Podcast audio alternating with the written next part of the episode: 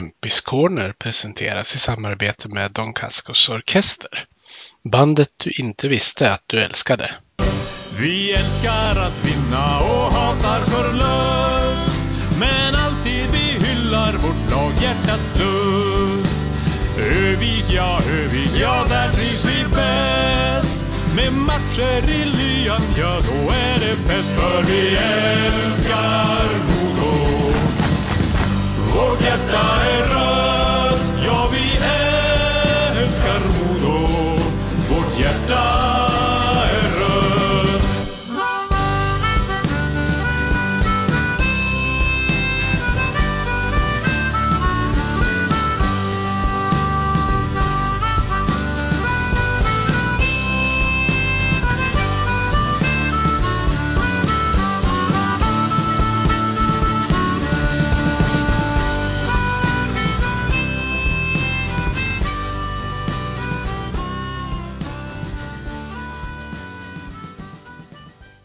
Hej och välkomna ska ni vara till Kempis Corner. Vi har kommit till det 46 avsnittet och eh, med mig idag har jag en eh, bland annat SM-guldvinnare står på meritlistan för Modos förre spelare Peter Öberg. Välkommen till podden Peter.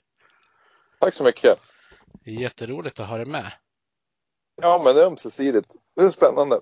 Ja, jag bru- vet inte om du är bekant med den här podden sedan tidigare, men jag brukar ju börja med att ställa två frågor till mina gäster. Eh, Den, Ja. för, den första är, vilken anknytning har du till Modo? Eh, alltså nu tänkte jag eller? Nej, jag tänker Eller- överlag sen. Eh, nej, men nu är man väl supporter liksom. Man får med och kolla. Försöka hänga med på några matcher. Eh, alldeles för få kanske live framför allt. Men är det på tv så, så kikar man väl om, om det finns möjlighet. Men eh, jag skulle väl önska själv att man var mer ner och kika matcherna. Mm, Eh, så, så supporter kan man väl sammanfatta det. jajamän. Eh, Jag har ju döpt den här podden till Kempis Corner, eh, ja men lite på grund av namnet såklart, men till 75 procent så är det ju för att hylla gamla Kempehallen, Kempis. Eh, Vad har du för minnen från Kempehallen, om du har några som sticker ut? Eh, ja, det är väl några, men Kempis var väl speciellt. Jag hade väl, hann ju göra någon säsong eller några, eh, både som ja, med juniorspelare och några A-lagssäsonger. Eh, och det var väl eh, speciellt slutspelstider var väl Kempis speciellt så. Det kunde bli väldigt bra tryck och eh, relativt enögd publik. Eh, så det är något speciellt jag kommer ihåg är väl då Werner körde cykelpumpen i nacken på jämtin och var, var mot HV hemma. Först brottades eller boxade Samuel Larsson en sväng tror jag, var före eller efter. Sen la, satt han på jämtin och cykel, körde cykelpumpen i nacken på honom. Det var något sånt där speciellt. Eh, Och sen, eh, ja men första match jag fick vara med också var väl också speciellt A-lagsmatch. Så, så det är lite, det är ju, det är synd att den, den inte finns kvar. ja, tråkigt att den blev riven helt och hållet. Ja, verkligen. Man Man- ha- hade ju nästan hoppats att de hade kunnat gjort någonting så att det fanns någonting där i alla fall. Ja, nu har jag ju barn som spelar i den här stan och man mycket diskussioner i med istider hit och dit så att jag tycker att man hade ju alla faciliteter att på något sätt kunna rädda tak eller bygga om takkonstruktion på något sätt så hade man ju haft eh, ja, men mer isyta vilket skulle kunna gynna fler att hålla på. Tänker både om det är ishockey, konståkning eller ja, vad det nu är. Fler barn som kan vara aktiva. Ja, precis. Då tänkte jag att vi ska gå väldigt långt tillbaka. Eh, tänker ända bort till början på din ishockeykarriär. Liksom, vart tog du dina första skridskoskär någonstans? Och minns du hur gammal du var ungefär? Eh, ja, men jag är uppvuxen i Nordmaling. Eh, då jag var liten då fanns det ingen ishall. Eh, jag är född 82, ishallen kom 91. Men eh, vi bodde på ett kvarter ja, men i Nordmaling, där fanns det så här uterink. Eh, där nästan alla barn hängde. Förr i tiden fanns det ju inga tv-spel eller plattor eller sånt utan var ju bara mer ute. Det var väl där man började kanske par år gammal. Jag hade större syskon och sånt också som spelade så man försökte man hängde väl på dem. Ja. Fick du äh, åka lite på sidan tills du hade lärt dig åka lika fort då? Ja, säkert. Det, det kommer jag väl inte ihåg så, men eh, det var alltid barn där eh, som man spelade och, och sådär. Sen bodde vi ganska nära så ropade ofta mamma eller pappa från, eh, från tvättstugedörren som de öppnade kunde de skrika att det var mat. Så for man hem.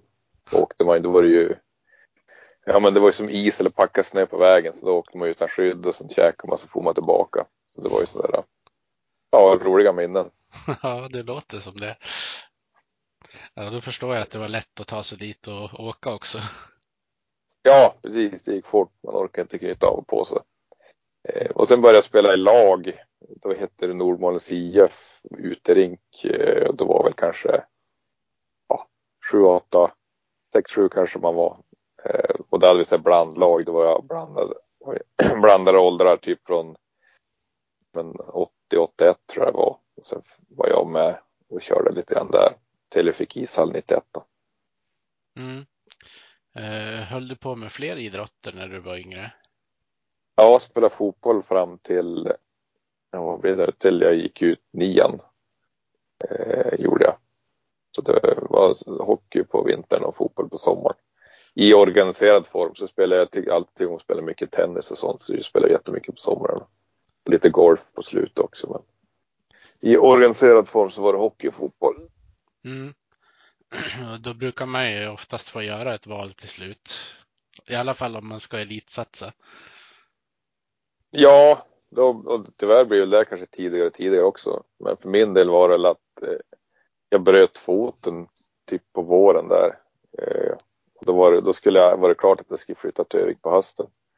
Eh, så att då var det finito. Eh, så. så det var väl tänkt ändå, men jag missade sista sommaren kan man säga att spela. Ja, just det. Men inget som du, som du har fått lida för sen den där skadan? Nej, utan det var jag fick skruva ihop hans en veckan innan vi skulle flytta hit och börja på det här rookielägret här nere.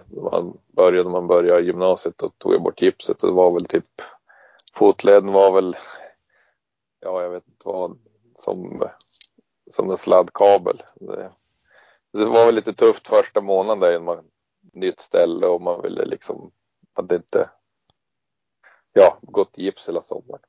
Men det var inga, inga konstigheter så. Nej, nej, men det var ju bra det. Eh, det finns ju de som har fått, eh, ja men, fått, ha, fått dras med smärtor och grejer länge efter sådana skador också.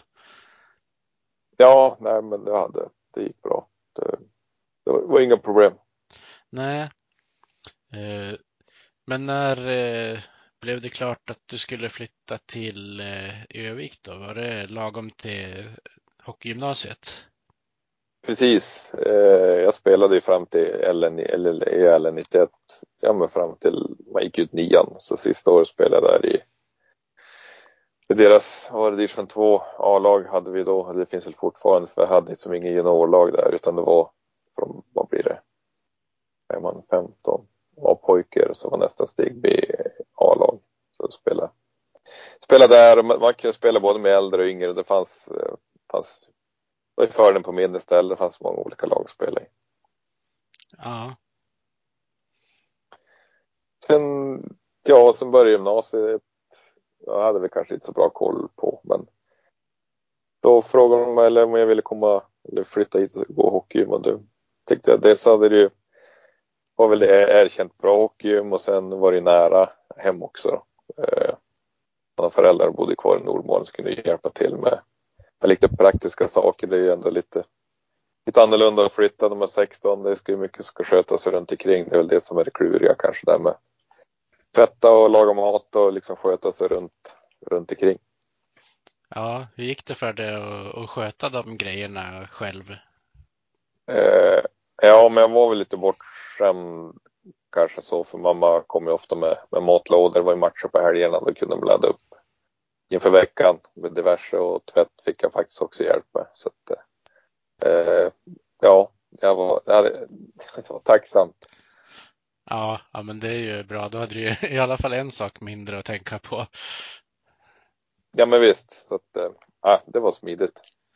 Hur var det annars att flytta hemifrån i, i den åldern? En del som inte går gymnasier i andra städer och sånt här brukar ju vänta något år längre.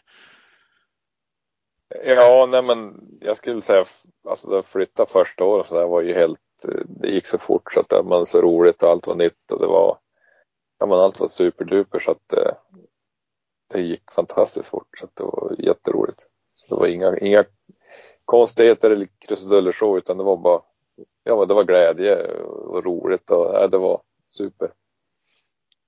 Hade ni ett bra gäng som gick på hockeygymnasiet när du gick där? Ja, till två kullen som jag gick eh, var väl, eh, ja vad hade vi? Ja, det var, jo, det var väl hyfsad. Vi vann väl inget SM, vi förlorade på B-år mot Leksand två år. Eh, gjorde vi väl, Sen hade vi väl i alla fall, ja men sista året man säger 18 man går, då hade vi i alla fall fem stycken som var med i i Norrlandslag så var det ganska bra grupp och snottettarna hade ju några med Wennerberg och Månsson och så. Sen var det 83 var yngre så det var ganska, ja men det var Jocke Lindström och Almtorp och så fanns väl, ja men det var ett bra gäng tycker jag. Mm. Fick du hoppa emellan eh, och spela med både J18 och J20 då eller vad heter det, A och B junior då? Ja, A och B junior så första året spelade jag väl bara med junior, var med någon match på med A-juniorerna och andra tredje året så spelade jag väl bara med A-juniorerna. Och sen efter det så fick jag väl kliva upp och spela med A-laget eller var där så gjorde jag väl, fick jag väl gå ner någon gång ibland och spela J20 match också då sista året. Alltså. Sådär. Så att eh, ja, det gick väl, ska man säga.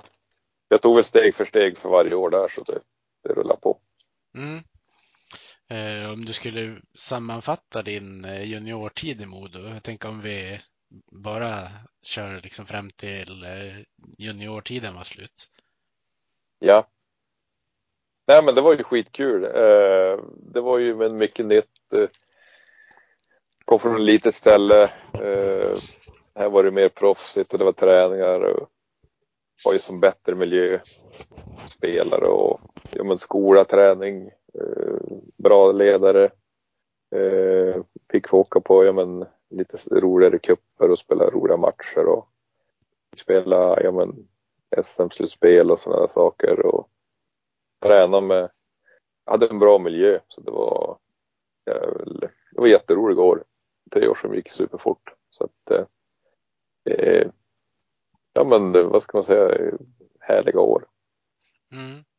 Eh, jag glömde ju ta upp eh, TV-pucken som du spelar med Västerbotten. Eh, hur gick det för er och dig då? Eh, ja, då åkte vi ut mot Småland tror jag. Vi hade väl lite förhoppningar för då, då fanns det något som hette Sverigepucken var ju något år innan.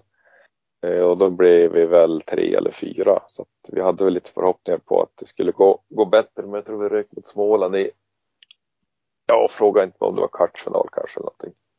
Jag vet inte, men vi åkte ut mot Småland. Ja. Eh, ja, så vi gick väl, jag kommer inte ens ihåg. jag vet, jag börjar bli gammal. Eh, ja, det har ju gått ett antal säsonger för att komma ihåg sen dess också. Ja, så att, ja, ja, jag kommer inte ihåg, men vi rök mot dem i alla fall, det vet jag. Ja. Eh, du fick ju prova att spela landslagsspel också med både U18 och 19 och 20 för den delen. Hur var det att komma iväg och representera Sverige? Eh, nej men det var väl jättekul såklart. Eh, det var väl U18 där då, det året åkte jag på körtelfeber här så jag var borta tre eller fyra månader. Eh, så att då hade man väl på våren där var det VM för U18. Där hade man förhoppningar på att vara med men och trodde man kanske inte det var borta så länge men det gick ganska bra efter jul så då fick jag vara med där så det var jättekul. Jag var i Schweiz. Eh, sen efter, år efter var det U19, då var man på några turneringar. Eh, och sen fick man ju med på U20 också, det var jättekul också såklart. Det var något som man sett när man var liten på tv och sådär. Eh, och då, det året tog de ut 13 eller 12 spelare redan på, på hösten typ. Som, det var en OS-år då tror jag, 2002.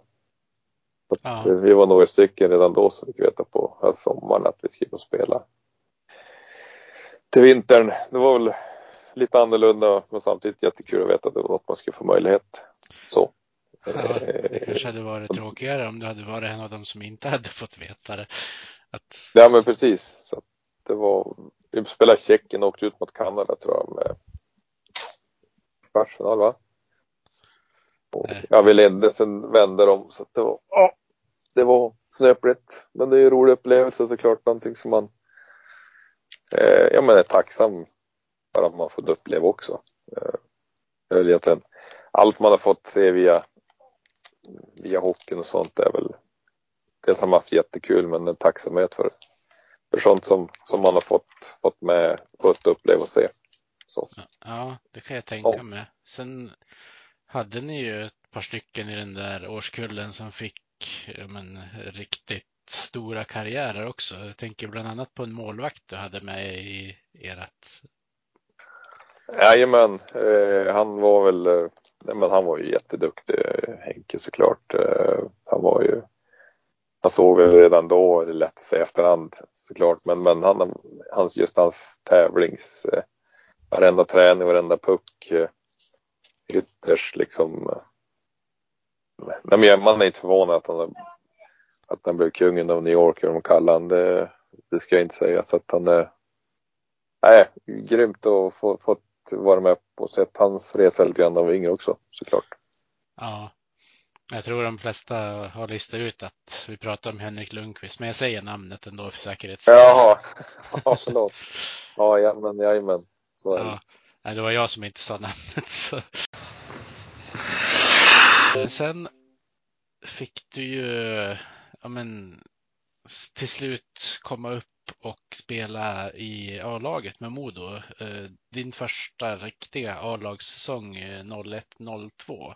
Hur kändes det att få vara med från, från början där?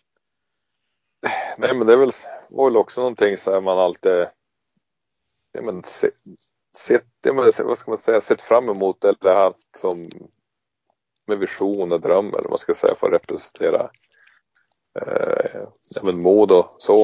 Eh, så det var väl häftigt. Eh, att, eh, ja, Nej, men det var väl någonting som man sett fram emot att få göra, så det var ju skitkul. Såklart. Eh. Jajamän. Och det, vem var det som var tränare när, när du fick debutera? Pelle Bäckman var ju, där fick vara med, men då, om man ser första ordinarie säsongen, där spelade var ju Jim Brithén. Alltså där liksom var i truppen så.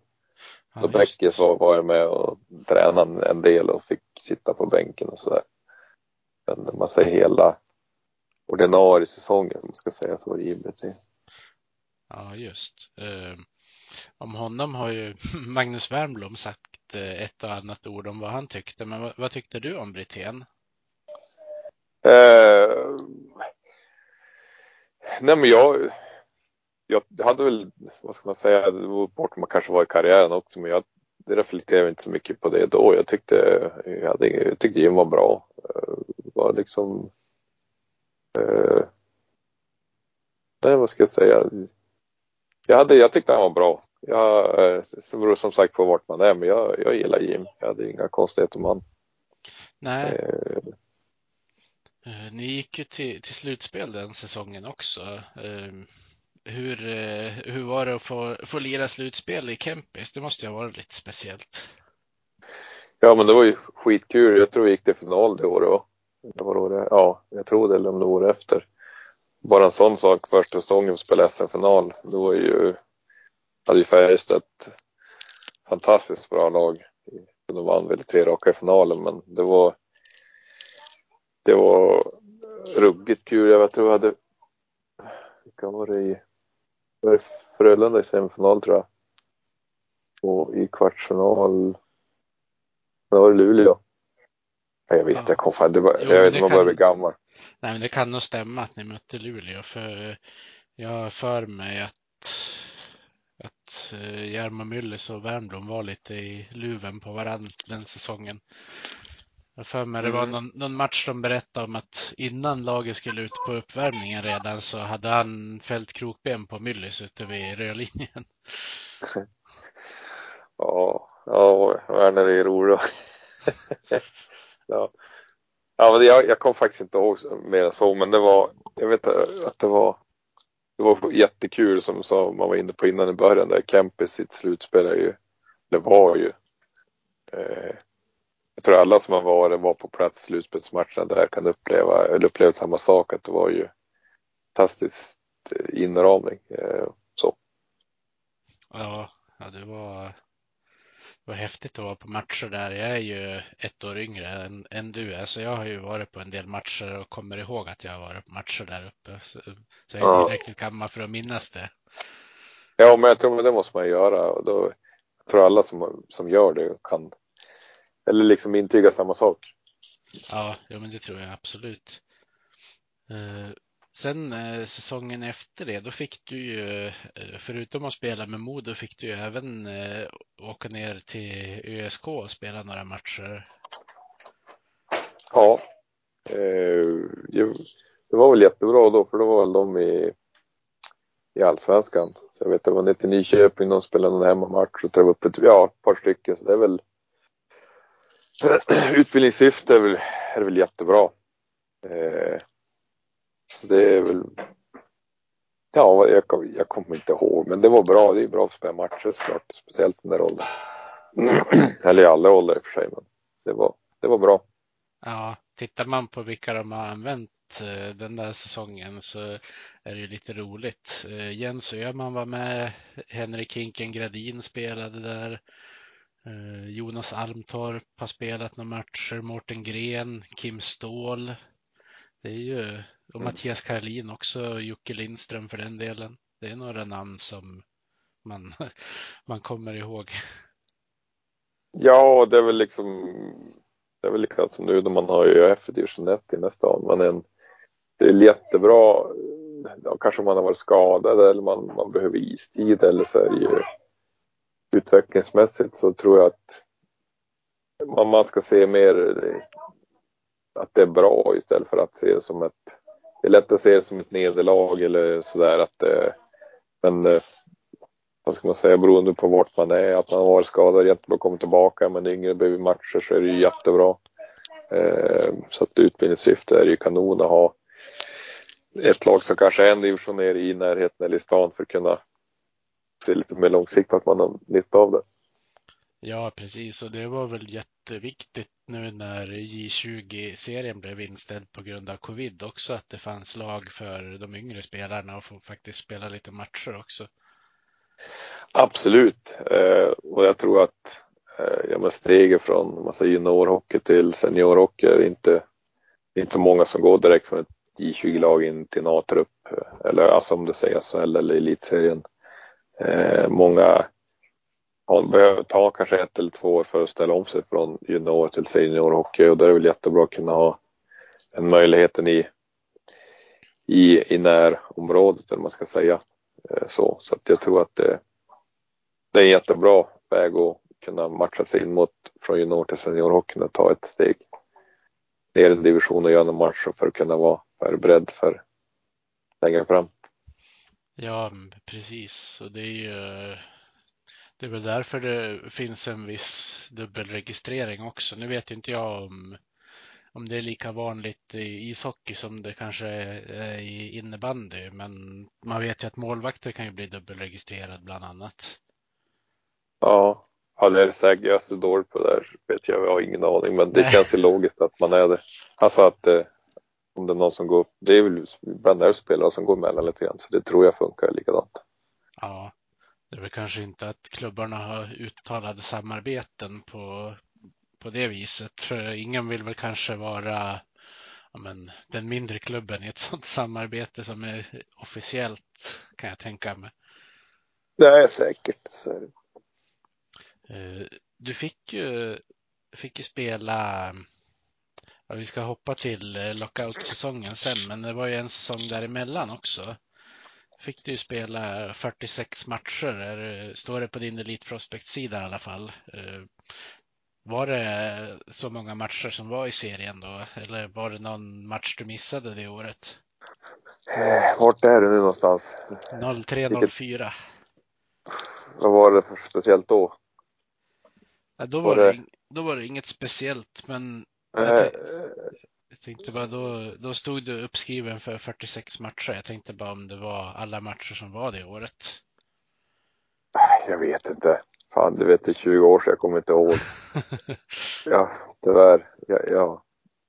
Nej, jag vet inte. Jag vet att något år där då spelade jag kanske bara 20 för då hade jag problem med axeln, opererade axlar och sånt där. Mm. Det, sen det började något år efter, då hade det varit lite surt. Det var ingen bra timing för det var jag, opererade, ja, ja, jag har haft problem med båda. Så det var något år där som jag var borta ganska mycket på grund av det. Men gjorde jag 46 matcher så var det inte den säsongen. Nej, det var nog kanske Ja. säsongen innan då. Ja, precis. Ja, Ja, jag, jag, jag, jag kommer faktiskt inte ihåg tyvärr. Nej. ja, vi hoppar vidare till lockout-säsongen. Den kan jag tänka mig är lite lättare att komma ihåg för då var det ju lite, lite andra förutsättningar, minst sagt. Ja, alltså vil- var det 04-05 eller vilket år Ja, var det? precis, det var det. Ja. ja. Så det var ju väldigt profilfyllt. Må jag säga.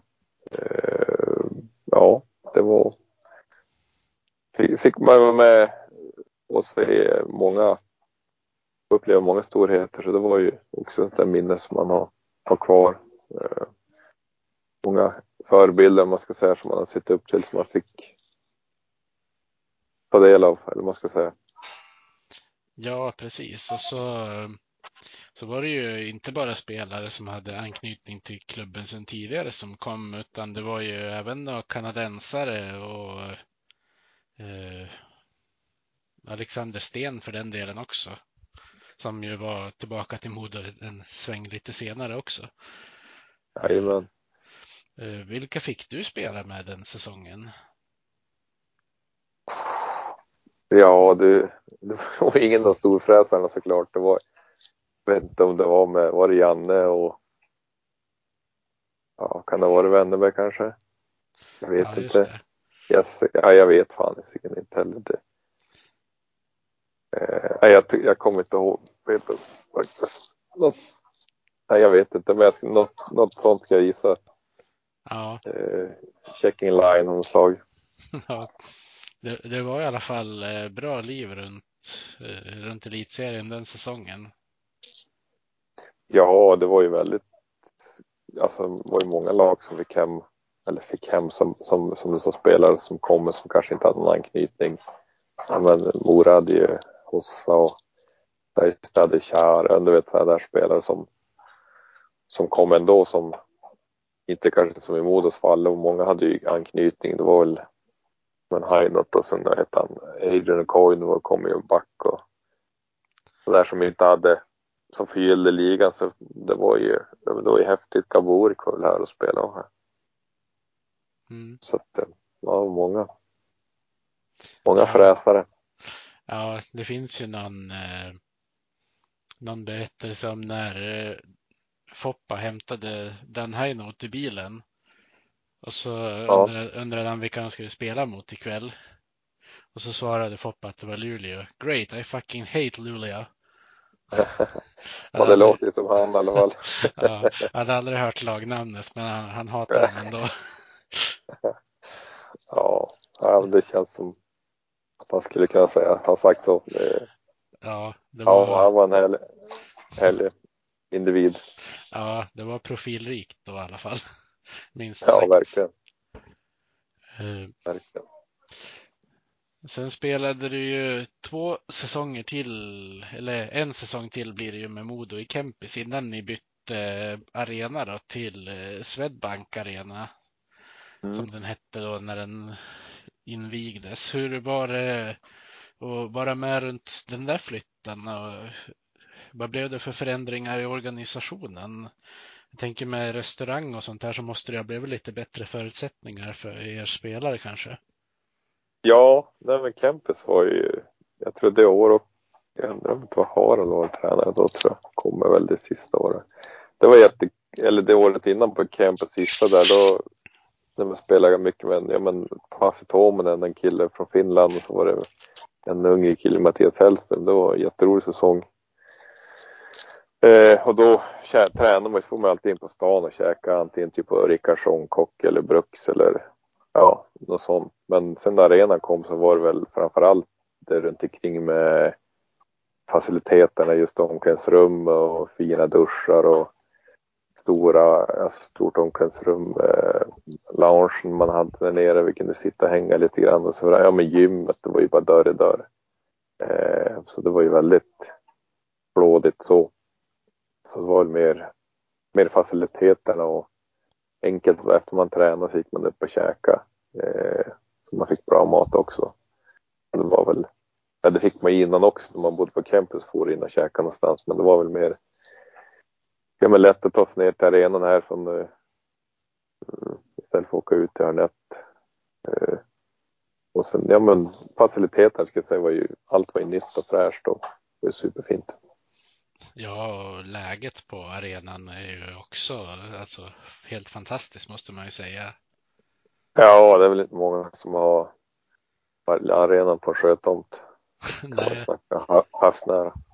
Nej, precis. Och det måste ju alltså även den neutrala åskådaren måste ju säga att det har blivit alltså otroligt eh, snyggt placerat alltså runt omkring där. Och...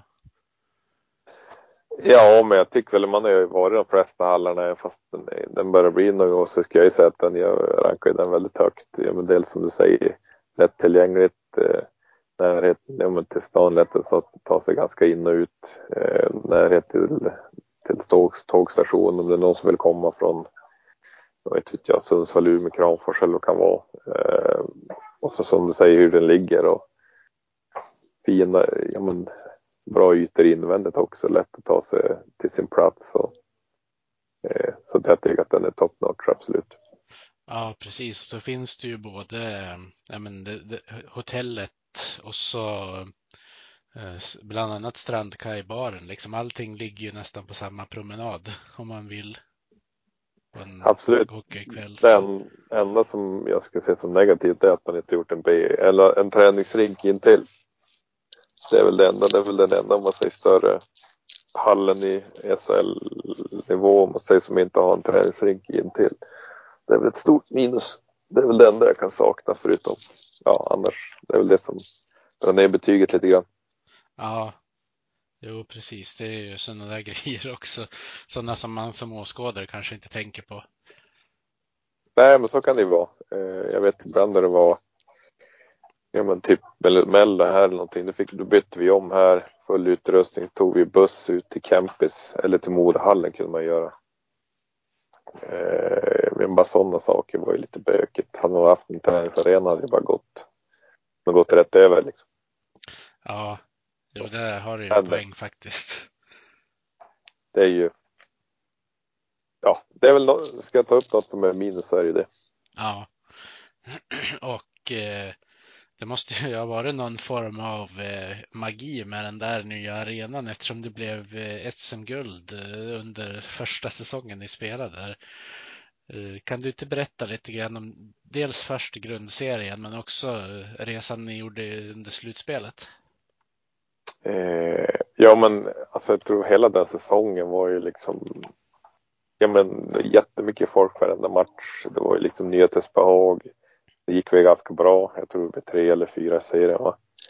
Eh, så ja, det kändes väl jättebra så och sen eh, slutspelet, Timrå var väl jättetuffa matcher. Det kunde gått hur som helst egentligen så. Det drog vi längsta året i den serien. Eh, HV var ju också sju matcher för mig. Eh, den tyckte jag, det var väl första omgången mot Timrå som var, som kändes mest o, eller, ska man säga. Eh, då vi gick förbi den både mot HV och, och sen mot Linköping, då, tror jag, då kände vi liksom att man får som en känsla i gruppen och sådär att ja, vi, det kommer gå bra. Det kändes så att man fick den känslan. Man känns nästan som att det fixar vi.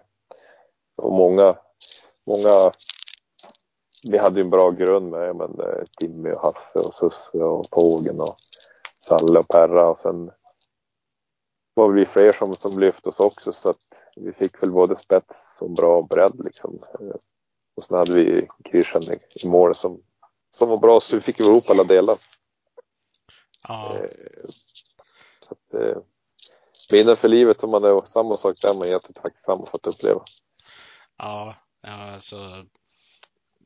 Det är eh, sällan man ser någon, någon målvakt spela så alltså, bra på det sättet som Karol Krishan gjorde. Uh, han kändes ju lite mer flaxig kanske än den här uh, ja, men den, den stilen man är lite va, mer van att se nu så här 15 år senare. Ja, nej men absolut. Uh, han, han var väl som han var, eller på att säga, men han, han gjorde det han skulle. Så att, det var, nej men du kom, det är väl liksom alltid med en crusha men du går, du går det långt eller du vinner ingenting om du inte har bra målvakt och det hade vi Det var ju inget snack om det. Fem sekunder att spela på. Jag tror inte de kommer fram. Guldet går till Modo! Här! Modos andra guld i historien och helt enorma scener. 1979 och nu 2007.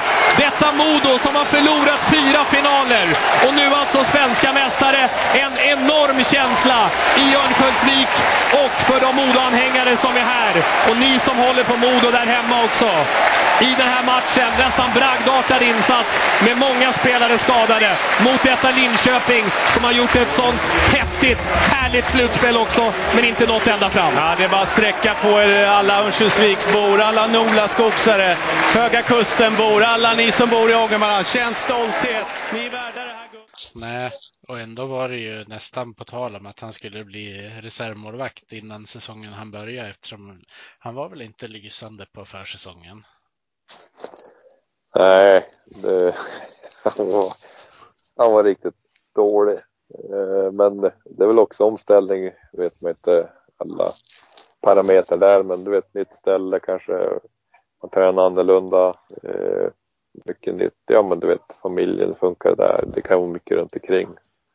Själva hockeyn också som gjorde att det kanske inte, det tar ett tag att komma in allting men tids nog spelar ju upp sig så att det gav väl svar på år får man ju säga. Ja, det var verkligen en profil på på, på flera olika sätt höll jag på att säga. Jag minns, eh, undrar om det inte var en match mot Frölunda han åkte på matchstraff när han hade fått en tia först för snack och sen sa han väl någonting om att han frågade domarna hur mycket de hade fått betalt för den matchen så han fick en andra tia direkt. Ja, ja nej, men var, han ville väl, han var ju som, man ville väl, han hade ju bra instinkt han också ville ville vinna så är det lätt att det blir, det rinner över ibland. Så är det Han var ja. väl en, ingen, ingen träningsmålvakt, han var mer en matchmålvakt ska jag säga. Han kunde ja. vara ganska ointresserad vissa träningar ibland. Men ja. så länge de är bra på match och de stoppar pucken så, så får man kanske acceptera vissa, vissa brister. Ja, precis. Ni hade ju ett gäng olika karaktärer också som du var inne på. Eh, hur mycket betydde de här, eh, men eh, sån som Blattny till exempel. Alla vet ju vad Kosela betydde när han kom in. Uh, nej, men det var väl, nej, men han, vad ska man säga, han ja, men gav väl energi och körde på liksom och vad ska jag säga, det, svårt att säga exakt sådär. Det är klart att ja, Kosel gjorde lite, några matchavgörande mål. Han var ju giftig så. Latte kanske var bra på ett annat sätt liksom. Men det är svårt att ta det på exakt. Men det är klart att de, de lyfter ju lyfter ju gruppen så. Eh, sen konkret är svårt att svara på så. Eh, men eh, det är klart de, de bidrog ju på sitt sätt. Ja, och Horrava gjorde väl det konstigaste hockeymålet man har sett någon gång när det var något skott som tog på hans, eh, på hans häl och flög Jag vet inte Ja, hur, hur högt den var upp i luften. Nej, precis. Nej, men det är också sådär du, om du kollar lag som går långt så har de ju ofta kanske några där, säg fadäser man får med sig liksom på resans gång som gör att ja, men, ja, men som liksom man får studsa med sig på ett annat sätt så de man summerar så så har man haft det på resans gång samtidigt någonting man över tid brukar förtjäna också så att eh, nej, men jag, jag vet vilket mål du tänkte på, jag tror Blattner sköt han i hälen så får den upp i luften och in så att det var ju Ja, Ja, alla mål räknas kan man väl säga. ja men precis. Eh, och det var ju mot, mot Timrå.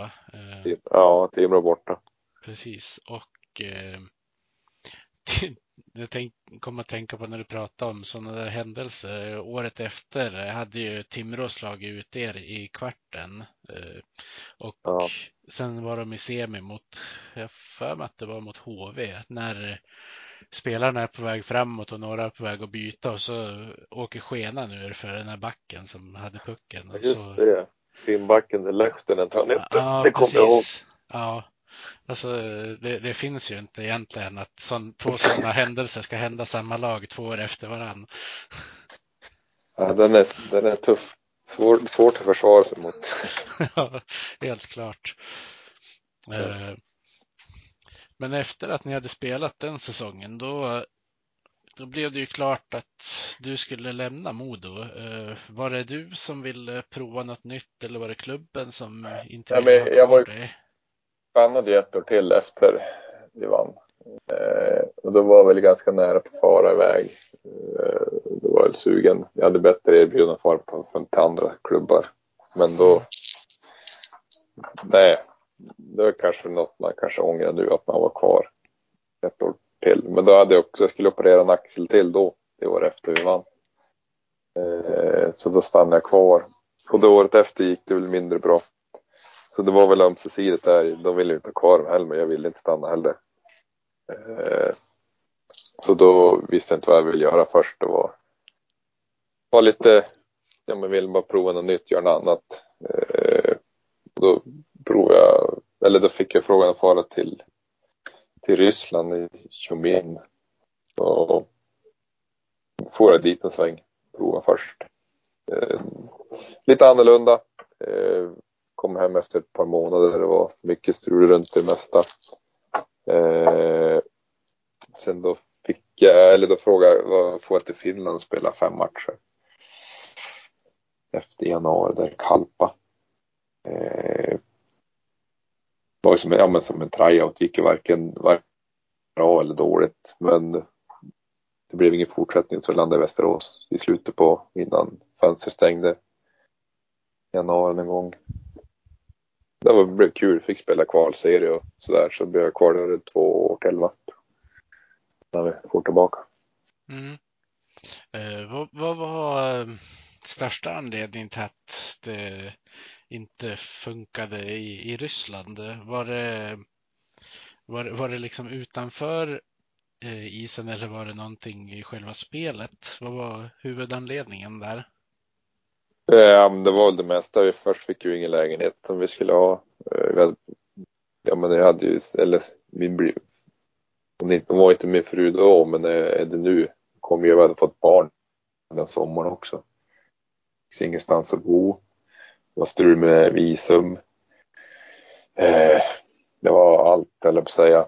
Eh, och så gick väl inte som det var tänkt heller för eh, ja, men det var jag och någon fler spelare där. Så då, då ja men det, då sket vi det i, ja vad det nu var, december kanske. Mm. Då tränaren fick fara och då kom någon ny. Och första gjorde stod och skällde oss på oss på ryska och då sa de andra, man förstår inte ryska. Det, var, det var kaos. Då får man göra något annat. Ja, då låter det som det var läge att flytta sig därifrån faktiskt. Ja, de var där en vecka eller två och då, sen får hon hem. Då blir Ja. väl lite tufft läge också. Första barnen, bara ett par månader, men där Ja, långt bort liksom.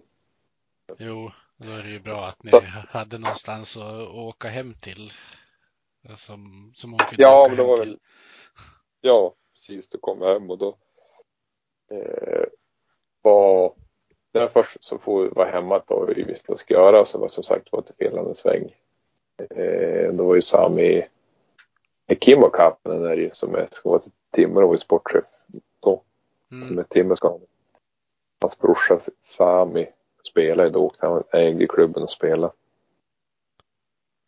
Eh, så då, ja man var där tio dagar, spelade fem matcher på tio dagar tror jag. Och inte spelade på typ en par veckor, månader. Och sen efter det kom jag hem och då for vi till Västerås. Det trivs jättebra. Ja, Ja, det var en liten summering på den säsongen. Lite snabbt. ja, precis. Ja, det var kanske inte turbulent, men mycket, mycket händelser i alla fall. Absolut, så är det ju. Så är det ju. Vi sätter det liksom i, det är ju bara hockey ändå, fast det är så stor del av livet så är det ju allt runt omkring den situationen där med, att bli pappa och allting sånt också var ju, liksom vad säger man, emotionellt eller, det är en stor del liksom. Så. Ja, precis. Då vill man väl ha, ha, ha huvudet någonstans där man vet att man kan hantera det också kanske, kan jag tänka mig. Lite så blir det ju, absolut. Men jag förstår att du trivdes i Västerås eftersom du stannade kvar där i ja, men tre hela säsonger sedan också. Ja, vi hade väl ett tag inne på, ja men kanske, vi hade köpt hus och allting där och ja men frun var, var mäklare där nere också. Vi trivs jättebra, ja men nära till det mesta och eh, jag trivdes med att spela liksom och hade en roll som jag trivdes med och sådär så de hade väl ambitioner och jag har väl det fortfarande liksom på topp topp topp eh, förening i, alltså SHL Elitserien då Ja, har vi väl precis. fortsatt. Så det var ju en klubb som, som ville någonting som var ju ändå roligt. Och vi spelade kvalserie, men var det ett eller två år tror jag. Så det var, var någon klubb som ville, ville framåt så här så att det, ja, vi trivs bra. Men då, eh, då var väl, eh, jag tror Marcus var GM eller vad det hette, som undrade om vi ville komma tillbaka och då skulle vi få vårt tredje barn den, det året. Då kände vi att ja, men, vi har mor och farföräldrar nära och Norrland, ändå Norrland med lite mer vinter och sånt. Så att då kände vi att ja, men nu, då flyttar vi hemåt igen. Ja. Var det Mm. då uh, Uffe Samuelsson hade tagit över va? Visst var det den säsongen? Ja, jajamän. Han, det var, tyckte jag var jättebra. Eh, hade ett jätteroligt första år. Eh, fick spela mycket och ja, men liksom han, en bra roll så där. Jag spelade mycket med Mårten Madsen och Christian Forsberg. Eh, matchades ganska mycket mot eh, motståndarnas vissa kedjor och sånt. Så det var skitkul. Jätterolig säsong. Ja. Och lite, lite skillnad från eh, rollen du hade haft i Västerås också kan jag tänka mig. Eh, ja, men så var det väl absolut. Eh, då, då var man på andra sidan, då skulle man, eh, där vi hade en jättebra kedja där med William Karlsson och Brook Little.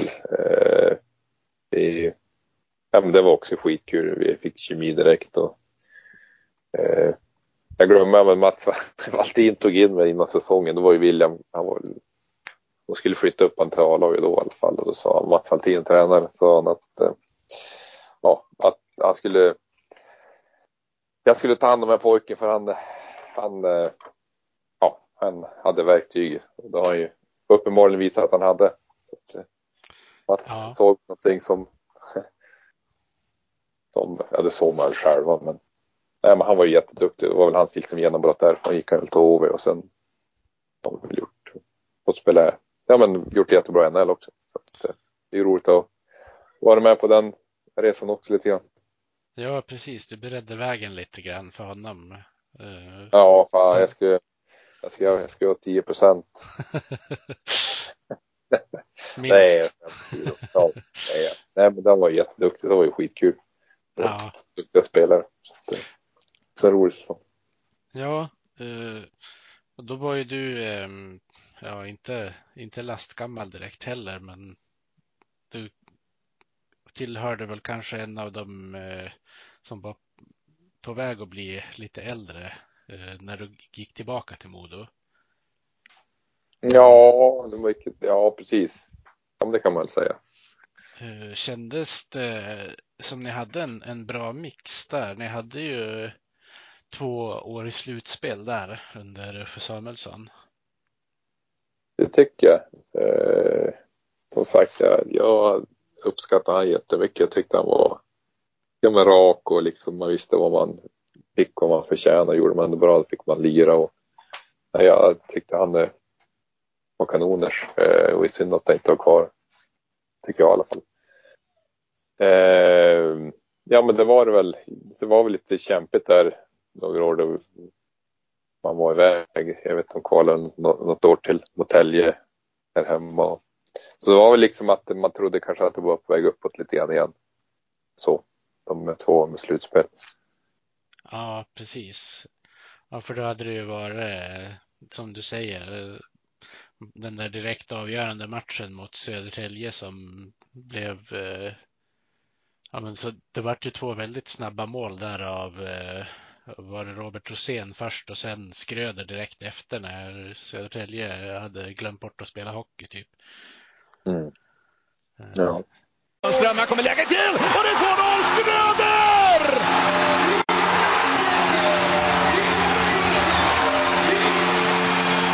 Och stället går bananas! Fullständigt! Gälleräven Center jublar! Men sen kom ni ju till, eh, ja men, Anders Forsberg tog ju över. Han har ju sagt ett och annat i efterhand om att han försökte eh, starta ett hårdare träningsklimat bland annat. Är det någonting som du har reflekterat på så här i efterhand? Det han har pratat om? Nej, det ska jag väl, nej, det kan jag inte säga. Jag tycker väl alltid att man är eh, liksom, nej, det är inget jag kan säga på rak arm att det var en annorlunda träningsklimat så, det vet jag inte. Eh, så, det kan jag, nej, det vet jag inte. Eh, men om vi, vi återgår lite då. Eh, ni, ni hade ju en, en kanske inte kaotisk säsong, men en säsong då med mycket förflyttningar på spelare och bland annat kom ju Donald Brashear in mitt i alltihop. Eh, William Nylander var där ett tag, men sen tog Toronto tillbaka honom. Eh, hur eh, upplevde du den där säsongen och tränarbytet för den delen? Ja, men jag tror allt sånt där oavsett vilken arbetsplats det är på så blir det, blir det rörigt. Ja, det vet jag inte om du ska ta med det här det jag säger nu, men jag tror att någonstans var det ganska rörigt uppifrån organisationsmässigt också. Var min känsla i alla fall. Mycket folk som byttes hit och dit och på något sätt rinner, rinner vatten neråt. Eh, så att blir det rörigt till slutändan blir det ju inget bra om det spelar in, spelar ut, ledare in, ledare ut. Ja, om man har någon tjänst på kontoret, vad som helst. Det blir ju, klimatet blir väl, det finns väl många exempel på det. Är det för, för mycket in och ut eh, så blir det ju inte bra i slutändan. Eh, så är det ju. Eh, så det är klart att det blir, alltså kanske inte omedvetet så blir det väl någon slags osäkerhet eller stress, tänker jag. Så. Eh, ja. Eh, men ni kan jag tänka mig fick väl en form av konstgjord andning den säsongen när det blev, eh, när det blev Vita Hästen i negativt kval istället för att det skulle bli, ja men, var det Malmö eller Leksand som var med också bland annat? Ja, precis. Ja, det stämmer ju det. Jag kommer inte ihåg vilket, det var ju något av de annat lag. Jag undrar om det var Malmö. Jag tror att det låter bekant. Ja, jag, jag, vet, eh. jag vet att de var med där i alla fall. I... Ja, men det stämmer ju. Uh, nej, men det var väl, det var ju så.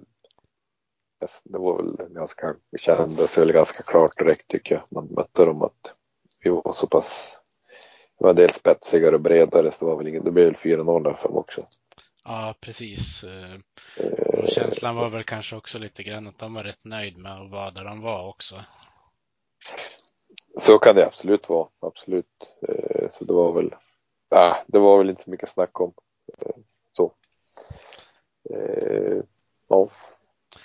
Nej, precis. Och så då lämnade ju Per Jonsson efter den säsongen och in kom Larry Huras. Hur, hur upplevde du det när han kom in? Det blev ju väldigt uppmärksammat när det kom in en kanadensisk tränare till ett svenskt lag där.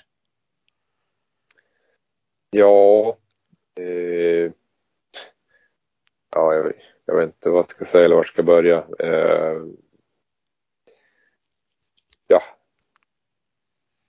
vi är olika som människor. Eh, sen kanske man eh, ja, man måste ju vara någon slags ödmjukhet också, tänker jag spontant.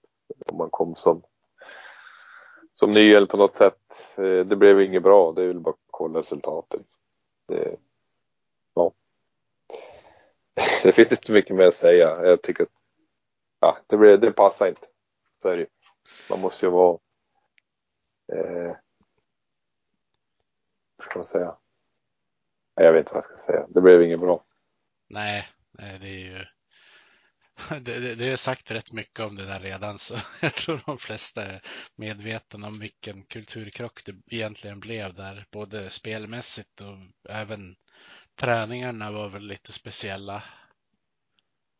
Ja, han hade ju vissa bra delar absolut. Han kunde lägga in sådär lite eh, grejer. Av, men eh, ja, jag vet inte. Nej, men det blev bara inget bra på något sätt. Måste man kanske ha kunna läsa av en grupp och vara lite ödmjuk vad man har med sig och inte. Eh, man kan inte leva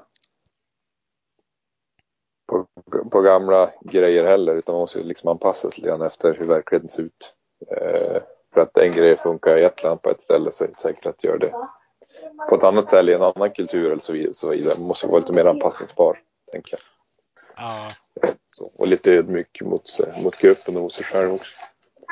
Ja, jag läste typ ett år efter var det någon längre intervju med han och han var ju fortfarande helt säker på att hade han fått vara kvar ett tag till så hade han fått ordning på det där. Men det kändes ju som, som att det bara blev sämre och sämre på matcherna, ärligt talat. Ja, jag har väldigt svårt att säga att han skulle kunna ha gjort någonting annorlunda. Eh, eller att, hade, att det hade gått bättre. Inte som han ah, det var inget bra. Vi nöjer oss så. Ja, precis. Eh, men för dig själv där, ehm, om vi tänker innan din skada, men efter eh, att du hade varit utlånad till Timrå, då kändes det lite mm. grann som, som att du var på väg uppåt igen hockeymässigt. Eh, ja, det blev jättebra. Andreas och Fredrik kom in. Det, jag uppskattar dem jättemycket också där med, ja men typ jag tycker att det var raka puckar och man visste Gjorde man det de förväntade sig och så fick man, fick man det man förtjänade. Eh, så jag tyckte jättemycket om eh, AJ och, och Fredrik Olausson. Eh, lite grann som Peter Uffe också som var innan. Jag tycker jag uppskattar sån typ av ledarstil. Så att som du säger, jag fick ett lyft där och jag fick mer förtroende, kände mer förtroende och vågade spela. Och jag tycker det gick bra då vi bytte ledare där. Så, sen var det väl lite surt att det blev som det blev där i januari. Eh, jag, som sagt, jag upplevde själv att, jag, att det gick bra och fick förtroende att spela bra. Så att det var, var synd att man inte fick fortsätta då. Ja, precis. Eh, man kan ju inte låta bli att tänka tillbaka på den där eh, tacklingen som du fick då av, av eh, Chris Campoli. Eh, jag har ju pratat med dig lite, lite tidigare om hur mycket du minns av den där matchen. Eh, men eh, jag tänkte du kan ju ändå få gå igenom lite grann. Ja, jag minns väl matchen. Jag hade spelat hemma på, på fredagen. Det var back to back. Vi skulle åka ner en lördag. Jag tror att det var typ 22 eller 23 januari någonting. Eh, sådär så, ja men matchen kommer inte ihåg. Det var, jag tror att det var i första perioden. Någonting. Det kommer jag ihåg. Men sen från själva eh, de runt omkring där det hände och så där. Jag skulle spela ut pucken där för mig. Så blev det liksom rullglid. Eh, ja, sen eh, ville jag väl att jag skulle stanna kvar. När vi kom in omklädningsrummet på sjuka, åka upp på sjukhus där, men det ville jag inte. Jag ville följa med grabbarna hem. Eh, så jag låg kvar där i ja, omklädningsrummet bara. Sen åkte vi hem på men efteråt. Eh, och sen mådde man inte så bra en tid. Det var en lite kort summering. Ja, Så. precis. Eh, nu har det ju gått eh, sex år sedan det där hände. Eh, jag kan tänka mig att det har varit mycket upp och ner. Ja, eh, jag var väl hemma ganska länge. Eh, ja men, ska jag säga där. Eh, man mådde väl inte så bra ett tag. Eh, så jag var upp, ja men, var upp till Umeå ett par gånger på olika tester och kollade allt möjligt. Och, eh, lite ändringar sådär. De som led mest var kanske hemma liksom. Man hade ja, men, typ sambo, fru plus tre ungar. Man kunde inte göra saker som man kanske hade tänkt sig eller ville. Man fick anpassa lite grann utifrån eh, hur man mådde eh, som man kanske inte kunde påverka. Det blev det jävligt luddigt men ibland missköt man sig då, då mår man ju dåligt. Men nu var det något man inte kunde rå för eller göra någonting åt. Nej, precis. Jag vet inte om det blev luddigt men vi, Ja, Alltså- nej, jag, jag, förstår vad du menar. Jag Mm. tror de andra kommer göra det också. ja, Eh, Men eh, jag tänker på nu eh, hur, hur, hur har ni hanterat den där situationen hemma? Jag tänker nu, nu kanske det är bättre eftersom du håller på och jobbar och så, men hur kunde ni göra med, med, för att berätta för barnen varför pappa mådde dåligt och sådär? Eh, nej, men det var väl mer bara att man låg ju, man låg ju typ i sängen. Men man var, man låg ju, man kunde ligga och vi hade källare. Det var ofta lite svalare och mörkare. Man låg ju typ i källaren, kunde man bara gå, gå därifrån. Så det var väl, i början ett tag kommer jag inte ihåg exakt tid, men då var vi mer ganska vana att man kanske inte var med på saker och sånt. Eh, att man var för sig själv lite grann. Så. Eh, ja. Att man inte var ja, men som man var innan. Eh, alltid, eller var, ja men liksom tyckte det var kul att hitta på saker med om det och vad det nu kan vara. Men det gjorde man ju inte. Så, så det blev väl lite omställning där också. Ja, jag förstår det. Eh, Är det någonting som, som påverkar dig idag? Eh, jag kan leva, jag kan leva ett bra liv. Så jag kan, men jag kan jobba och jag kan hjälpa till. Jag kan vara på aktiviteter så här. Eh, så som jag tycker är roligt att vara, vara delaktig i. Sen är det väl vissa saker som man man liksom eh, som inte är som innan. Man är man är känslig för vissa saker och man är, får vara lite nogare med att man sköts, ja, men framförallt sömn och det är man är lite känslig för exempelvis jag upplever att ljus och sånt är mycket jobbigare och det är mycket, mycket ljud och sånt där och sånt som man som man inte reflekterar på samma sätt innan. Nej, kan jag, jag, jag kan ju liksom ha en, en bra jag kan ju leva ha en bra tillvaro men man får tänka sig för lite grann och så känner man ju vad man, man lär känna sin kropp såklart. Eh, Så ibland vet jag men nu går jag och vilar en stund eller nu går jag ifrån och bara får få lugn, lugnt liksom. Mm. Ja. Men allt är ju relativt. Eh, det finns ju de som har fått det värre som knappt inte kan göra någonting. Så det är jag tacksam för. Men man jämför ju ofta med hur det var innan. Det är klart man märker vissa skillnader. Ja, men det blir väl så. Man, man har ju det man själv kan jämföra med egentligen mest. Ja, precis. Det är så, man, det, är så det. Det är det de är som du reflekterar på. Ja. Eh, du har inte upplevt att det har varit någonting kognitivt som har blivit påverkat eller så? Jag eh, tycker det väl, jag antar att det inte var din första hjärnskakning? Nej, eh, sen börjar man räkna. Jag har ju haft några, så blir det så många som varit i gråzon så man hade väl varit samma ihop lite grann. Eh, sen, ja men Ja, men vissa delar kanske man har sämre. Jag har väl aldrig haft något bra, bra tålamod, men kortare stubin kan man väl uppleva kanske själv ibland. Det kan vara någon, någonting som de andra i familjen kan också, vad ska man säga, men lite sådana där saker att man, tålamodet är väl också, har väl aldrig varit bra, men det upplevs kanske sämre i efterhand nu, efter det där lite grann. Ja. Och det är inte mer kanske jag som reflekterar på utan det är mer någon som är runt omkring.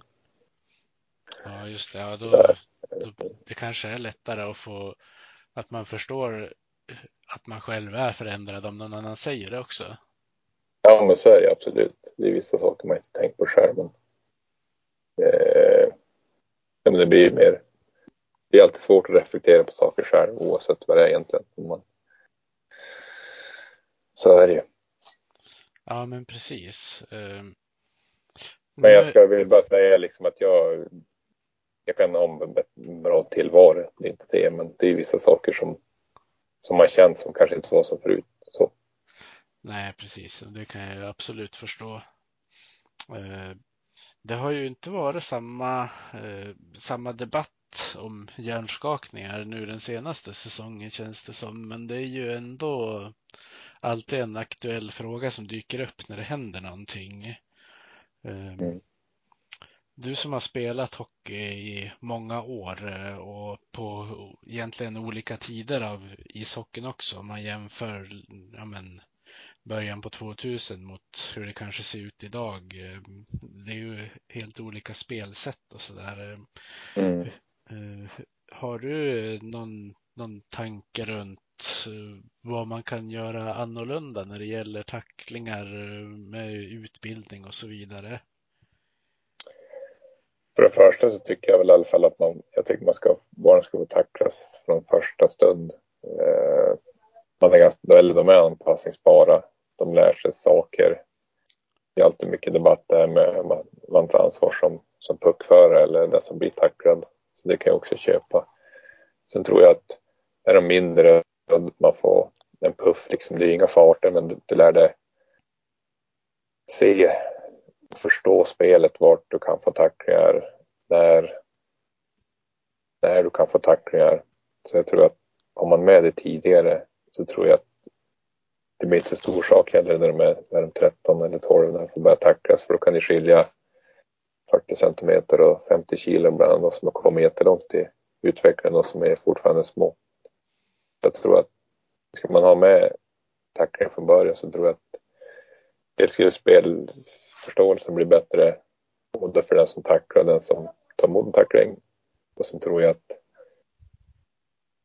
det blir inte så stor sak heller sen när man blir lite äldre för att tacklas. Eh, då har man med det hela tiden. Man är ganska anpassningsbar som, som, som barn så också. Så att det är väl en sak. Sen tror jag att allt ska gå så fort nu för tiden. Alla spelar, man spelar mycket på fart. Man ska sätta press hela tiden. Eh, minsta lilla spelförstörande moment så blir det ju en utvisning, interference i hooking. Det är som du säger, kollar man det på 90-talet och i början på 2000 så var det ju men det var ju vattenskidor ibland, vissa backar som kunde ju bara hova in. Eller om det var i anfallszon, då var det brottningsmatcher i hörnen exempelvis. Så att det gjorde också att farten dämpades. Eh, och då, är det ju, då tar man kanske inte lika många okloka beslut som då det går fort när man blir stressad. Det är lätt att man, att man handlar Ja, men när du stressad tar man ofta kanske sämre beslut och går det fort tar man också sämre beslut. Så det är väl de två sakerna. Samtidigt vill man ha ett snabbt spel. Eh, så det är ändå komplext men jag tror att man ska tacklas från början. Då tror jag att man anpassar sig tidigare. Både som när man ska tackla och eh, när man kan få en tackling. Ja, men så är det ju säkert. Ja, det där blev ganska långt utlägg. Det är lätt. Ja, ja. ja men det kloka tankar ändå. Ja. Jag tror ju att det är ju så att de här fula tjuvnypen och det, de kan man ju ändå inte försvara sig mot. Så det är ju viktigare ja. att lära sig det som du säger, att vilka situationer kan man bli utsatt för det? Mm. Ja men absolut, dum, alltså det spelar ingen roll vad det är idiotgrejer som folk, tyvärr kommer det alltid att hända. Det går ju aldrig att få bort. Det är väl mer de här, alltså påhoppen kan du aldrig få bort. Men det är väl mer de här äh, situationerna där man uppsåtet kanske inte är att man vill köra ihjäl någon men man vill ändå sätta en tackling. Men att man båda för, får förståelse för ja, vad som kan hända och när det kan hända och så. Så man både kan skydda sig själv och som man kan kanske inte ska tackla. Det är väl de man vill försöka få bort. Ja, och i längden om man gör så så kanske man även kan få bort de där hämndtacklingarna som en del får för sig att göra. Som kanske om de hade haft en större koll på att det hade kunnat hänt någonting innan kanske man inte hade behövt få de där aggressionsutbrotten när man blir tacklad av någon i ett läge man inte är beredd eller så. Absolut, eh, så är det ju. Ja, men det, det tror jag. på. Eh, jag såg eh, eller hörde att nu har de ju tillåtit tacklingar inom damernas ishockey också. Det kanske är bra för, för dem att få lära sig det också. Nu, nu har de väl inte sånt i Nordamerika, men jag tänker de som spelar i landslaget till exempel och möter de där från Nordamerika, de får nog en, en och annan liten puff ändå. Ja men absolut, det är samma sak där. Varför?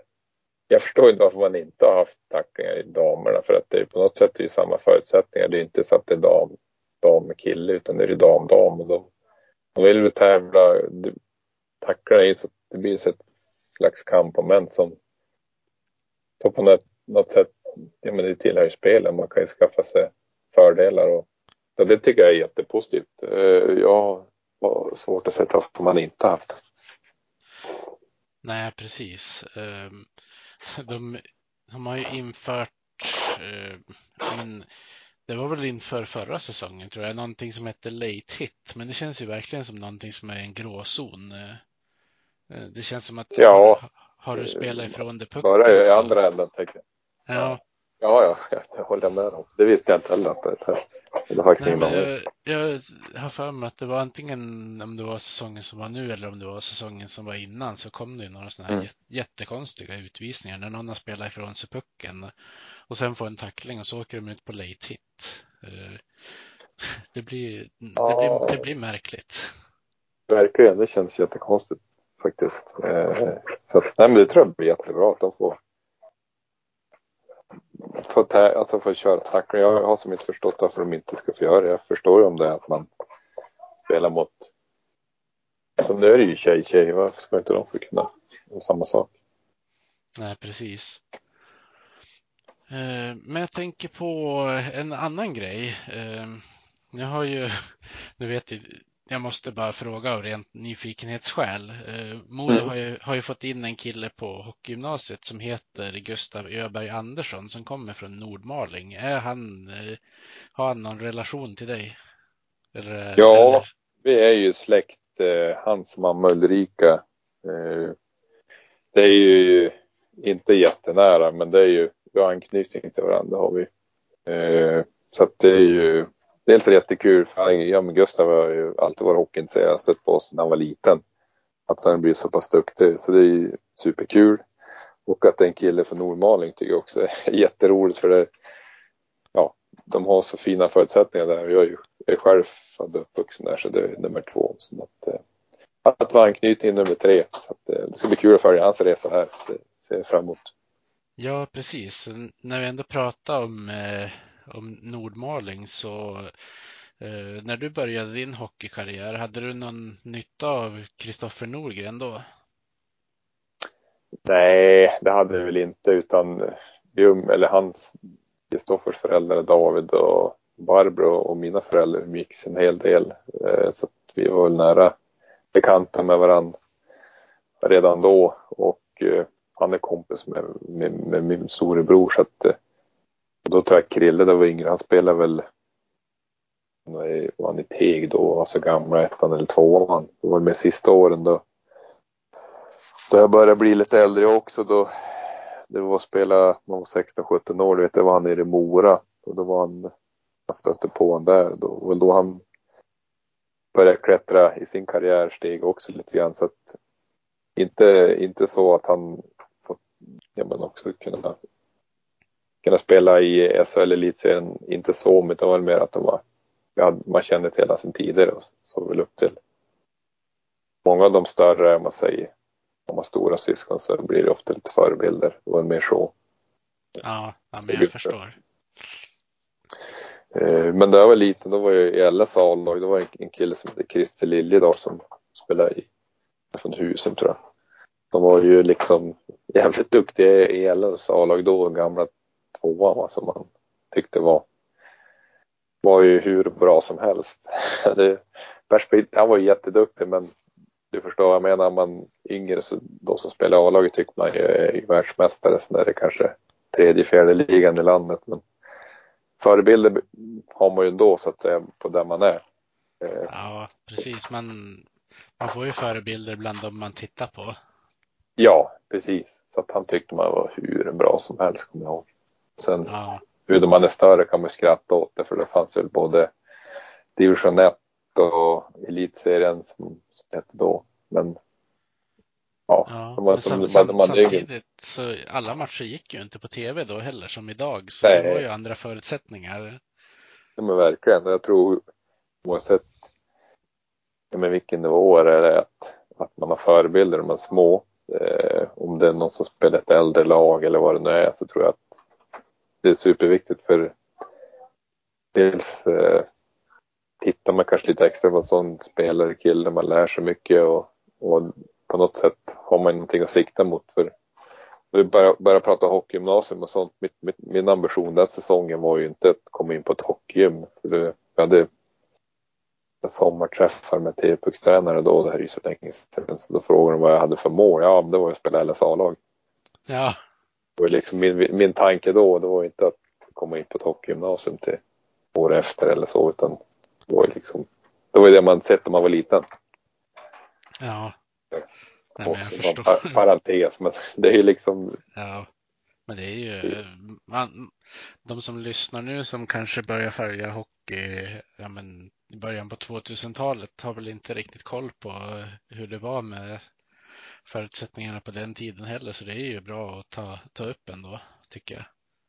Ja, men så var det som du säger, du vet, det var, det kunde vara hockeykväll kanske en, två gånger per år på SVT. Det var ju liksom fest, då var man ju, jag tog alltid farsan med på, på kiosken och köpte chips och dricka för det, då var det hockey på TV. Då kan du se vilken match du vill när du vill. Det gick ju inte då. Alltså exempelvis den på tillgängligheten. Nej, det är sånt där man kommer ihåg. För då var det Arne, Arne Hägerfors och Anka Palmström var ju, satt och kommenterade.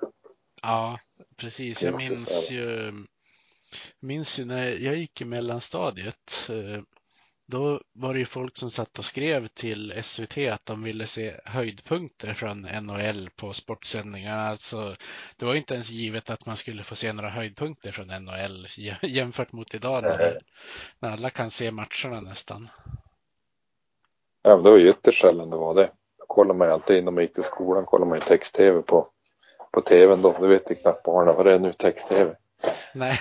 Då kollar man ju resultaten och sånt där. Så det var Ja, tiderna förändras. ja, minst sagt.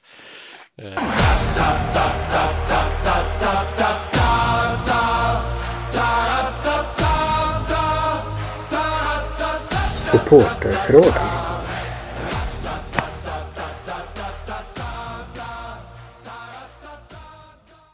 Men jag tänkte att vi ska avsluta med lite supporterfrågor innan vi rundar av.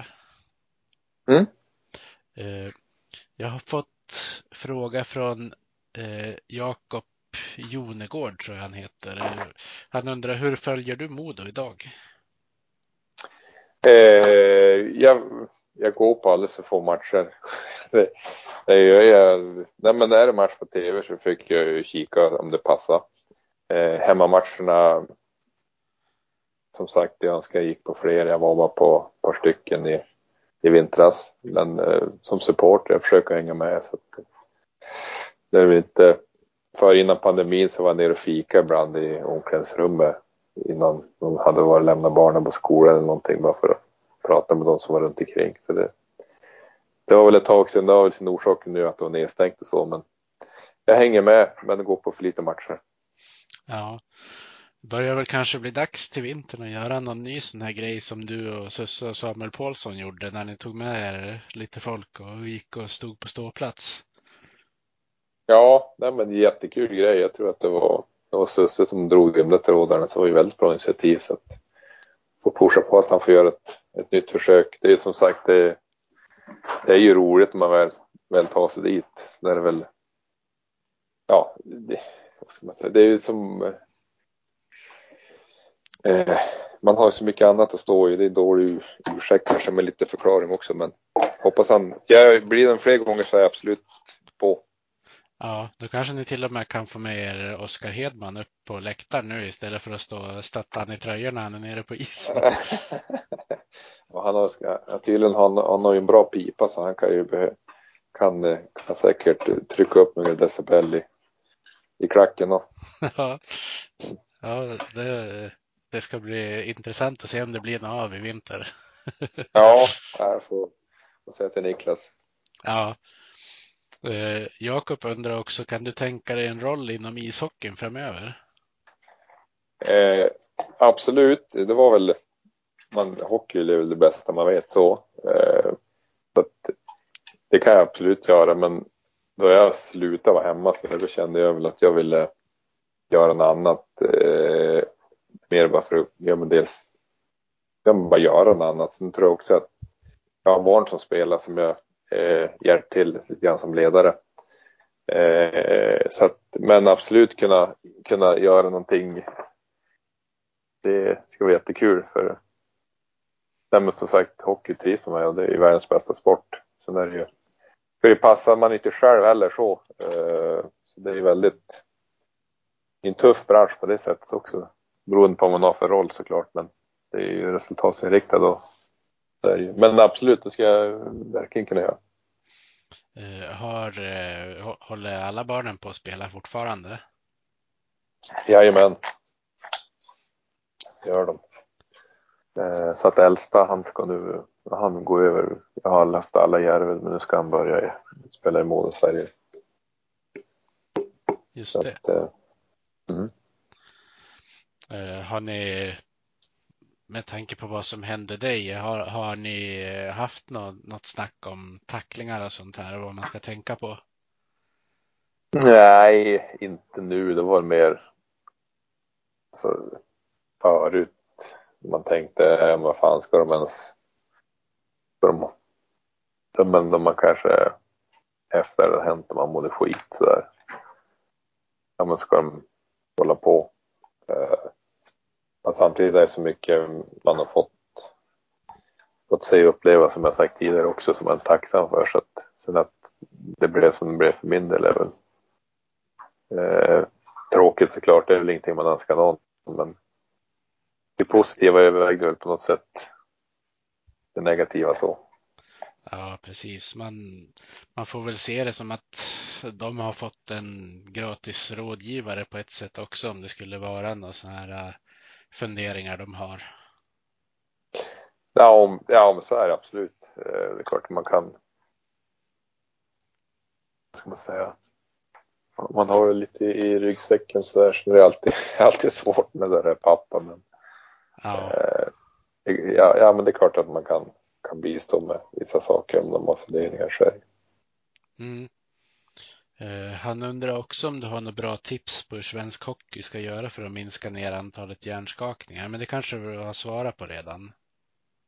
Ja, men precis. Jag tänker att eh, jag skulle nog vilja att man att man får tacklas när man är, är liten för då blir det som naturligt hela vägen upp och då blir det att de lär sig anpassa sig eh, och skydda sig och liksom ja, man, spelförståelsen blir, blir annorlunda. Nu kan jag tycka att det blir lite skyddad verkstad fram till 12-13 år och då blir det lite läskigt och många, då kan det skilja jättemycket i storlek och kilo. Eh, och är man då lite mindre så har man inte kanske det lättare att ja, men liksom, vad ska man säga, fly är väl ett starkt ord, men då kanske man gör något annat ställe, spela innebandy eller sluta eller för att man tycker att det är lite läskigt eller gör lite ont. Men hade, hade det varit med hela vägen från när man var liten så blir det ingen grej heller. Nej, precis. Uh, ja, det är väl det jag skulle göra. Mm. Då tror jag att man får bättre spelförståelse också. Så kan det säkert vara. Jag undrade också hur var livet i Ryssland som vi också var inne och fingrade lite på. Ja, sen tror jag det är väl det är så finns väl hur bra ställen som helst. Uh, jag skulle bo kanske i Sankt Petersburg eller Moskva eller ja men många fina proffsigare organisationer så är det kanonbra. Det det, det är väldigt kontraster mellan oss där det finns resurser och inte. Så det är också så här eh, erfarenhet man är jättetacksam att man, man provar på. Så jag förstår ju de som har varit där flera år och, och trivs med det. det så är det, men det, det är mer hur, det, hur allting är uppstyrt som är lite annorlunda. Mm. Det blir väl ändringar där också tänker jag. Det är många, vi hade också så här att man ska bo på basen och vara där innan och sova tillsammans och ja, som, som, som det var där för, under ridån. De har sett, jag vet vissa lag har kvar sådana grejer nu också att de ska sova ihop och bo tillsammans. Ja, det har ju varit en väldigt infekterad debatt om hockey och Ryssland nu, fullt förståeliga skäl. Men ska vi, ska vi prata om det så kan man ju prata hur länge som helst, så jag tror vi hoppar över den frågan. Ja, nej, men precis så är det. går ju att grotta ner sig mycket. Ja. Uh, sen Sebastian Hedman undrar hur mår du idag efter smällen som du fick mot huvudet som avslutade karriären? Det har vi också varit inne lite på, men jag, jag läser ja. upp frågorna ändå. Ja, nej, men absolut. Jag kan svara snabbt. Nej, men jag, jag är jag mår bra men jag kan ändå känna att jag är påverkad av det i vissa situationer beroende på vad jag gör så där. Men eh, allt är väl liksom relativt eh, så. Eh, men ja, jag summerar det så. Mm. Eh, sen har jag eh, lite frågor från Marcus Forsberg. Eh, han undrar, mm. tycker du att svensk hockey har blivit inom citationstecken mesigare än när du själv var aktiv spelare? Eh, kanske inte mesig vet jag kanske inte om det har blivit men Nej, vad ska jag säga där då? Nej men det, vad ska jag säga, kanske förut att man eh, Ja, vad svårt att svara på. Mesigare kanske inte skulle säga, men eller kanske lite. Eh, det var ju mer. Jag kan ju ibland tycka att man ska få göra upp eller göra upp lätt som fel också men eh, tävla, man ska ha lite mer fingertoppskänsla för situationer ska tävlas och så vidare. Att om man gett en smäll, ja men då får man kanske räkna med att få tillbaka en inom situationstecken att det ska vara rimligt. Ja. Uh, han undrar också hur var det att spela lockout-säsongen 04-05? Eh, ja men det var lite grann som jag sa innan, det är väl någonting som är ja men eh, och fått ta del och både sett både nära och på håll eh, stora förebilder och fantastiskt duktiga spelare så är det också någonting som man är, är tacksam att fått uppleva och ha med sig. Så att eh, det var häftigt. Mm. Eh, han undrar också, vad skulle du säga är ditt bästa ögonblick i karriären som hockeyspelare? Eh, ja, men det är väl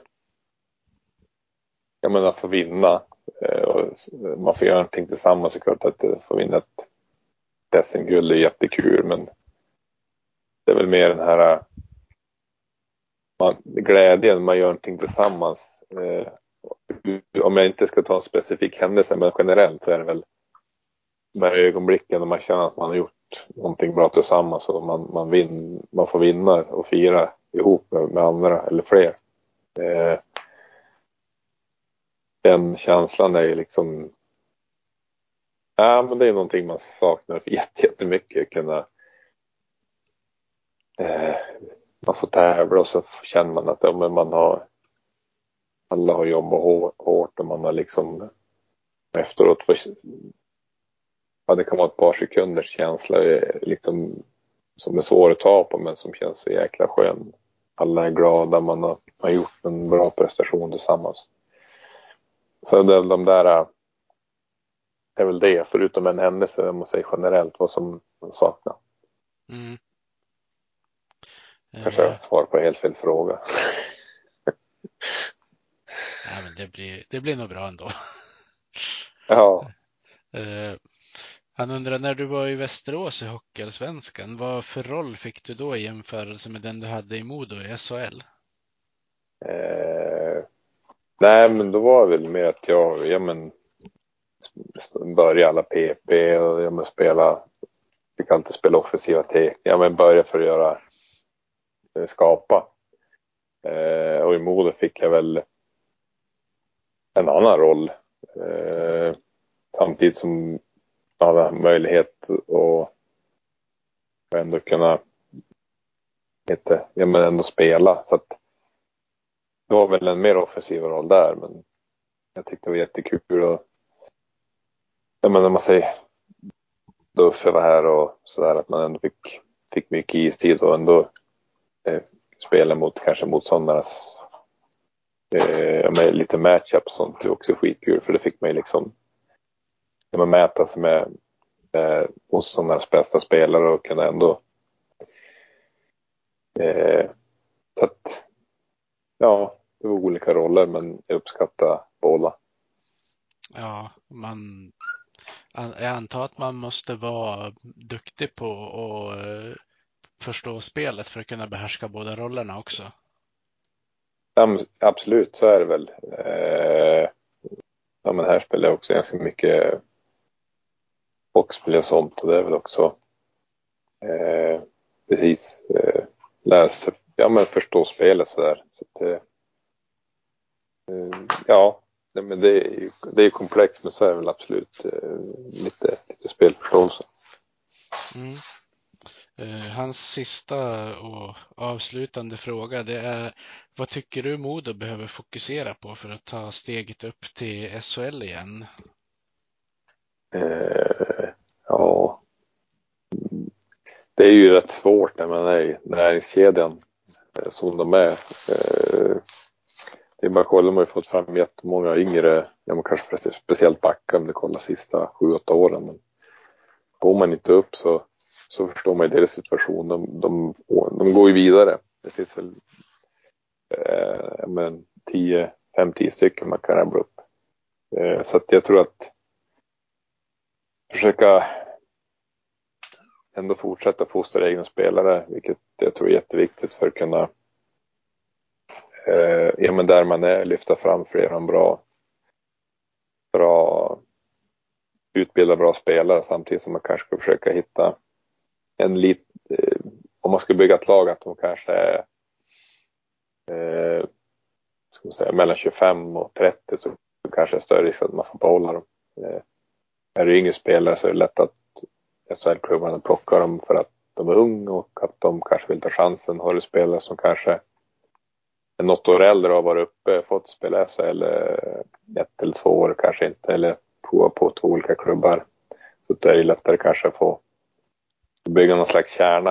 Eh, jag, ska, jag vet inte, lättare det kanske luddigt också, men eh, bygga en, en kärna och sen försöka, som de gjorde i år, hitta, hitta lite rätt på, på tre, fyra spelare. Så, sen kommer man ju vara där och aspirera varje år till slut då, då går man upp. Det finns så många exempel på det. Eh, men Skellefteå och Leksand i år, flera kvar sig eller liksom till slut får man med sig allting och då går man upp. Ja, precis. Det är väl precis likadant som den här uh, omvända situationen när Modo åkte ja. ur. Är man där och dansar tillräckligt många gånger så åker man ur. Då är det väl det, är man ja. med och spelar uppåt så blir det samma sak till slut. Då. Till slut, även fast ibland kanske inte förtjänar, men förstår jag menar matchen som var då man trillade ut eller vi trillade ut, det är ju, skulle den spelas om skulle det ju aldrig bli samma resultat. Men det är som du säger till slut samlar ihop. Det är likadant andra hållet på något sätt att slutar man samla ihop då får man med sig de rätta marginaler, eller ja, de små marginalerna som man säger. Så att, eh, exakt det jag är inne på, det är åt båda håll. Ja, precis. Så småningom kanske det blir förändring i det här kvalsystemet också så det finns två möjligheter att gå upp som det var lite tidigare. Men det är ju också bara en massa om så att det är ju Ska man spekulera i sånt kan man ju också hålla på hur länge som helst. Ja, men det är samma sak där. Jag fattar inte. Det är man, nu kanske man låter färgad, men jag förstår inte varför inte, varför inte man får näst sista lag får kvala och ett, man får kvala härifrån också. Så det är bara att kolla sista året så jävla stor skillnad där är det ju inte. Nej. Eh, på, bot, på botten och toppen. Allsvenskan har blivit mycket bättre. Det är ju sju, åtta lag som allsvenskan som är, ja men liksom så kanske har SHL-personer och möjligheter. Då har AIK, Djurgården, Södertälje, Västerås, Löven, eh, Modo eh, framför allt där har ju ja. fem, sex lag som, som skulle klara av att gå upp och som har, ska man säga, eh, ja men som har vad som krävs. Mora har ju varit uppe en sväng och så det finns ju hur många som helst. Ja, verkligen. Men... Att inte fler, fler får möjligheter tycker jag bara. Man kan inte säga på att det blir för mycket kvalitet för det gör det inte. Det är bara kolla hur, hur det har sett ut sista, sista åren. Ja, HV var ju inte helt oslagbara även om de var i slutspelet sen. Ja, men jag tror att hade Modo fått med dem hade haft jättebra möjligheter. Eh, de hade väl några spetsspelare som, som gjorde den där kassan men spelmässigt var inte de så mycket bättre än Löven. Och jag tycker Modo var spelmässigt bättre än Löven om man summerar de där sju matcherna. Ja, precis. Men sen var det som att de dukade under i de två sista. Men det kan ju vara eh, dels avsaknaden av eh, slutspelsrutin såväl som att Sam Vigneault var otroligt viktig när han var skadad, att de andra var skärrade eller någonting sånt. Ja, men det tror jag att eh, det var avgörande. Det är bara, han var väl liksom en duktig spelare, en härförare. Eh, men, han var någon slags lok alltså, i det där i laget. Så att, eh, om inte han gått sönder så är jag övertygad om att de hade vunnit. Och absolut haft, haft eh, HV på gaffeln. Ja. Ja, det ska bli intressant att se hur lagbygget inför nästa säsong ser ut. Ja, men verkligen. Eh, det är så pass mycket roligt, det märker man man är runt och träffar folk och så där också. Man, då det går bra, alltså folk bryr sig här och det är väl eller att man är engagerad och att fansen vill och sen att det kan bli fel ibland att man inte skulle bry sig. Det skulle ju vara känns skittråkigt men då är det likgiltigt liksom. Ja. Så då får man hellre köpa att det kanske blir, blir fel ibland. Så. Ja, precis. Jag kan tänka mig att du som jobbar som mäklare nu får träffa mycket folk, så då är det väl säkert många som känner igen dig sedan din hockeyspelartid också.